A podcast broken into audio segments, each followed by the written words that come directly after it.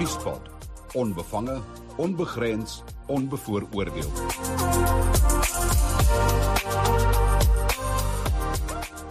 Good afternoon and uh, welcome uh, to Nuuspod. And today we have John Steenhuisen uh, in the Nuuspod uh, studio. And uh, John, welcome to Nuuspod.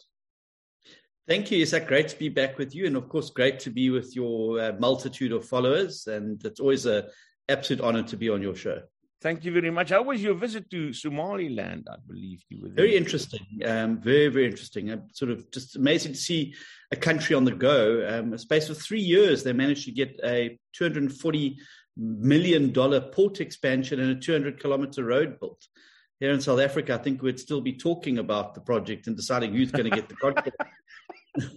there in, in, one year, that's what's being built. So it shows it can be done. You know? That, that's South Africa for you, man. Yeah, indeed. John, um, and, and whilst you were away, um, another bomb exploded. Surprise, surprise, South Africa. Um, but but I think, and I, and I, I said that to Pieter Groenewald earlier today, I think this is one that uh, not many people expected. Um, yeah. This specific one. Um, your uh, your views on that, uh, just for a start. Yeah, I think it it sort of came as a surprise. Um, I think that President Ramaphosa certainly cast himself and made the, the, centerpiece of his new administration to be different. Uh, you may remember it started with the New Dawn. Uh, this was we're going to turn our back on corruption and maladministration and uh, presidents who got up to dodgy things. And here he finds himself in the midst of the storm. And I actually think his office and him have handled this whole situation incredibly badly. And um, I think that it's put the president in a very, very difficult position now. And I think he's got a lot of explaining to do. And as I say in politics, when you're explaining, you're losing. John, before we go into the nitty gritty and, and, and, what the questions are that you think the president should be um, should be answering, I think the big big question here for many South Africans uh, is um, does this mean that, that our president is as scallum as everybody else in the ANC? Well, I certainly think that it, it, it is casting him in that light. And the longer he remains quiet about the circumstances, I think the more that that uh, perception is starting to settle in. And I think that we must first of all understand that this was part of the ANC factional battle. The leak didn't come out of nowhere. it, it is part of the ANC's conference. But uh, we shouldn't worry about who the information came from. I think there's a duty on us to investigate it and, and to and to look very carefully at it. Um, and you know, there's very been a lot of people saying, "Oh, but you know, we should just let this go quietly." Um, no, um, we have equality before the law as one of the key fundamental foundational principles of a democracy, and the law must apply to everybody, whether it's a businessman in, in Phalaborwa or whether it's a a president. And I think that that is the is the key thing here. That if there have been violation of the exchange controls, if there have been violations of the tax regulations, uh, then I think that we must insist that it is investigated, uh, because that is what the rule of law means. If ever uh, there uh, was now, uh, if ever you, there was doubt about the war in the ANC, um, this must take away every little bit of it. Um, mm. but, but what I'm concerned uh, about uh, in this regard is uh, the, the impact that th- this has on South Africa in, in, mm. as a whole. Yeah, yeah, I think that's a very important point that you make, and it's one that's being missed in all of this, which is why I felt it very important today to, in the statement that I released, to quote um, from Mogoeng Mogoeng's judgment in the Nkandla matter about the presidency and the importance of the presidency to always act in the way that benefits and, and supports not only the presidency, but also the country. And Mogoeng's judgment shows that when, the, when a country's name is mentioned, the president is the first thing that comes to mind. And that is an extra duty of care on the person who occupies the office of presidency to ensure that the good name of the office but also that our national interest is not damaged by, by this. Can you imagine what message it sends to investors who are thinking about coming to invest in South Africa? And here we've got sort of a Pablo Escobar uh, esque scene of money in between couches. I think it's put the graft into Grafton Everest. that's John Steenhuisen in a very uh, joking. Um, John, um, let's go to that questions that you were that I saw that on Facebook.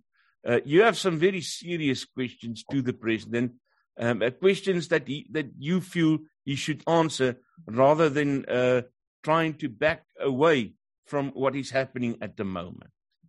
Yeah, well, I think that there's two things happening here. I think the presidency, as I say, have handled this thing very badly. The first statement they issued begged more questions that it, that it answered. And then the second statement said, well, we're not going to talk about this anymore. And both these statements are dissatisfactory for a number of, of reasons, but um, we'll get to those later. But I think the president's comments on Sunday um, show just how desperate the spinning operation has become. The president got up and said that you know he's never stolen money. Well, I don't think anyone's accused the president of stealing money. Um, that's not the issue here, and the president mustn't try and muddy the waters now and and be disingenuous. No one is accusing him of stealing money. The questions that relate to, to this money is how come such a large amount of foreign currency was able to be get into South Africa in the first place? Where did that money come from? Who brought the money into the country? And, and how did they, uh, did they do so without detection? The second thing is why was the money not banked? There's a, a rule that from the South African Reserve Bank that all foreign currency needs to be banked within seven days. Why was the transaction done in cash? I mean, it, it just seems very strange. It's such a large transaction would be done in cash. And then, you know, did the president declare this uh, in terms of, uh, of, of SARS declarations? We have very uh, tight financial controls in South Africa through the FICA as well as the South African Reserve Bank. And it, it appears that in this case, none of those key things were, were followed. And those are the questions the president must answer. Who gave him the money? How long was it stored at his house? How much was it? Because he disputes the figure, but won't give a, an alternative figure and say it wasn't 4 million, it was 2 million. He said, no, it, he thinks it was less than, uh, much less than 4 million. Well, give us the figure. You must know. I mean, we're not talking about small change here. This is serious money. It's almost 60 million rand. Uh, this is serious money. You would surely know and ensure that every rand was accounted for, every dollar was accounted for in this particular instance. And then why was it not reported to the police? If somebody stole 4 million rand from me, not that I have 4 million rand, but uh, you know, uh, if someone stole it from me, I'd be very angry and I would want the police to investigate and I would want the perpetrators brought to justice. In this instance, it's become clear that no case was actually opened with the South African Police Service. Uh, and why is that the case? And that can only be because you did not want the true source of this money to, to be exposed, which would have been the natural question that any police investigator would have asked as well. Okay, you know, you've had this money. Can you show us, prove that you had the money, and where did this money come from? And I think that there's very much a, an attempt to avoid answering that, which is why we've now got this whole cover up. And remember, it wasn't the, it wasn't uh, the, you know, it wasn't the what was on the tapes that led to Nixon's downfall. It was the cover up that led to Nixon's downfall. And the president needs to be very, very careful here uh, that he doesn't leave the space open now, which we he's retreated from, and allow that space to be filled by other people. Because in the absence of the facts and a full, proper accounting from the president, mm. well, there's going to continue to be speculation. And if everything was as above board as the president has said, well, why not come out and say to everybody, mm. here are the facts? This is how much was there. This is who paid it to me. This is why it was in the couch. This is, you know, why I didn't report it to the police. Instead, we've got a president now hiding behind process instead of actually being upfront and honest with the people of South Africa. That's something uh, um, a lot of politicians don't learn. Uh, it looks like globally, the world through, um, is uh, to be honest and open from the word start, uh, because I mean, they, they should know someone is to scratch and scratch and scratch and, and, and just get more questions to answer. Uh, yeah. Why is it so difficult for politicians to learn this? I don't know. It's you know, there's a famous saying, you know, if you're in a bad situation, what is the next thing you do? And the next thing you do is the is the first right thing. And I think the first right thing in this situation would have been to come out and say, yes, I shouldn't have been in possession of the money. These are the circumstances. I will submit myself to SARS and to the Reserve Bank. If there are any penalties to be paid, I will pay them. Uh, if there's you know charges to be ans- answered to, I will answer them. Instead, we've now had this tap dance around the figures and then an attempt now to just say, well, we're not talking about this thing anymore. Well, I can tell you this thing is being spoken about in the taverns, the shebeens, the hairdressing salons, the lounges and the bars and the dining room tables and bars across South Africa. It's all South Africa's talking about. So the president can, you know, be the volstruis and, and pretend that, you know, put his head in the sand and pretend this is going to go away. Well, it's not going to go away. And until he makes the full proper account of it, it's not going to go away. It's going to, those questions are going to be there. And it's going to follow him into parliament and it's going to follow him to public events, just as Nkandla followed President Jacob Zuma um, wherever he went. So the president mustn't expect that this is just going to go away. It's not. And it's, the only way it's going to go away is if he makes a full, honest, and open account of himself and, and puts those facts and open cards before the public. Um, Professor Andre Duvenhage told me earlier today um, that uh, apparently there's uh, there's talk that this is only the start. Um, uh, coming for the pre- president in uh, the uh, on the way to the leadership conference at, at the end of the year. Yeah, well, I would agree with you there. And I mean, I've said for many, many, many years that Mr. Arthur Fraser is the J. Edgar Hoover of the South African scene. He's got files on everybody and he's built them up. And instead of dealing with him decisively at the beginning of his presidency, Ramaphosa instead pulled him into his bosom. And now he's biting back at the president. And that's put the president in a very difficult position because he can't go out to the public. Yes, I can say Arthur Fraser is a terrible man, don't believe what he says. Because just a year ago, when we challenged the appointment of Arthur Fraser as the Director General of Correctional Services, the president himself deposed an affidavit in which he supported Mr. Fraser and said that he is a good man and the right candidate for that job. So it's going to be very difficult now for the president to say well, an affidavit that served in a court case and then now try and, and rubbish Arthur Fraser. Now, I happen to believe Arthur Fraser is is a bad man, and I think he's a big problem. But he's a problem that should have been dealt with a long time ago.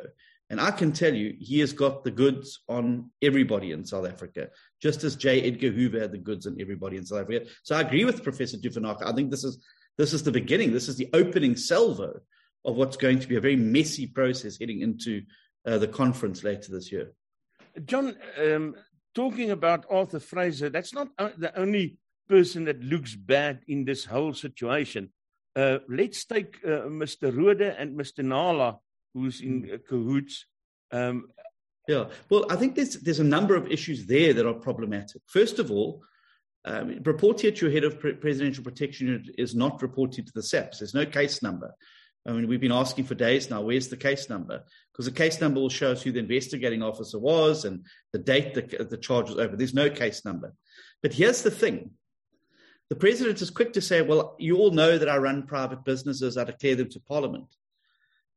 Was the Presidential Protection Unit abused to go and take care of the private business affairs of the president? That money that was in the couch uh, or in the president's home had nothing to do with his role as the head of state. So why on earth would taxpayers' money now be spent on the time of those two individuals uh, in the uh, Presidential Protection Unit going there, traveling to Namibia, who paid for that trip? Who paid for the trip? Well, did it come out of the police budget um, to go and, and get money back that accrued to the president's business? Have we got the Presidential Protection Unit now being used as private debt collectors or business uh, associates? Uh, and is this is this a correct use of state resources? Did the president abuse his position as head of state in making contact with the Namibian counterparts to say, please cooperate and help us here. It's nothing to do with South Africa. It's the president's personal private business interests here. And he's been very clear about that fact. So I think that we've got a huge problem here for the president. And as I said at the beginning of the show, I think there's a long way to go down this road until we get to actually uh, the bottom of what has gone on here and what the true quantum of this is for South Africa the fact that the president wasn't in the country, uh, uh, can he distance himself because of that from this, according to you? No, I don't think he can because he obviously knew about the money.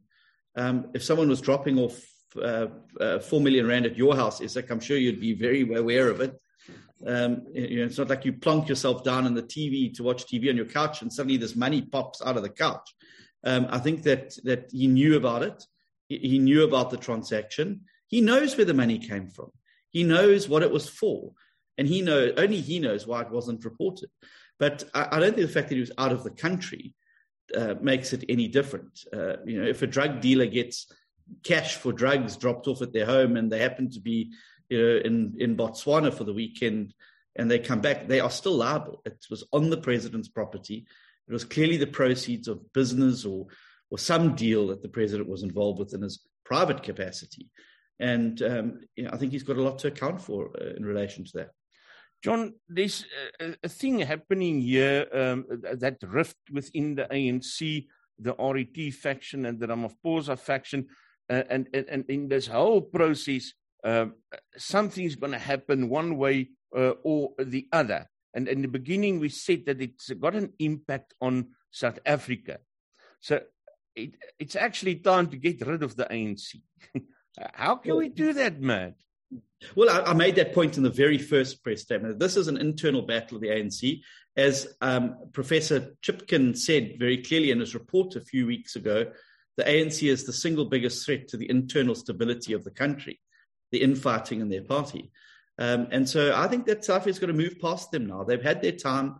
Uh, it's very clear that you know we're just having a succession of people who can't keep their hands out the till, who can't act transparently and in the best interest of the country, and it's time to move past them. I think the model exists, which is what we've done in Joburg and Tshwane and and uh, and Ekurhuleni, where the opposition has come together to form a bloc to be able to kick the ANC out of government and to start to to manage um, those cities in a in a better way.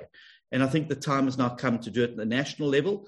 And 2024 is just around the corner. These next this next year and a half is going to go very quickly, and citizens will have a chance finally to get rid of these uh, rampokkers uh, out of the union buildings, and let's get some quality people into those places that are actually to serve the people of the country. Uh, it's it's dev- it's devastating to go to a country like Somaliland, which has been ravaged by civil war uh, for for for four decades and yet they've got their act together and development is happening there. I mean, their port there at Berbera, it's on the port for efficiency rankings at 184 out of 365. Cape Town is at 365 at the bottom. How does a small little war torn country on the Horn of Africa's port be doubly more efficient than the, the, than the port of Cape Town? And we're going to lose out because we're not making the right decisions in the country, and other countries are, and we're going to get left behind very, very quickly. John Steenhuisen is a leader of the Democratic Alliance. Thank you very much for making time for us. Uh, I know you're very busy, but we appreciate the time that you make for us. All the best. And if you find some money in your couch, now make sure you share it. I will let you know immediately. Uh, and, and we can go on a big holiday. Um, yeah. Not to Ukraine this time, though, but. Yeah, no, heaven, heaven forbid. Thank you, John. Thank you, Zach. It's always great to chat to you and, and look forward to the next one. Keep well. Bye. Nuuspod. Onbevange, onbegrens, onbevooroordeel.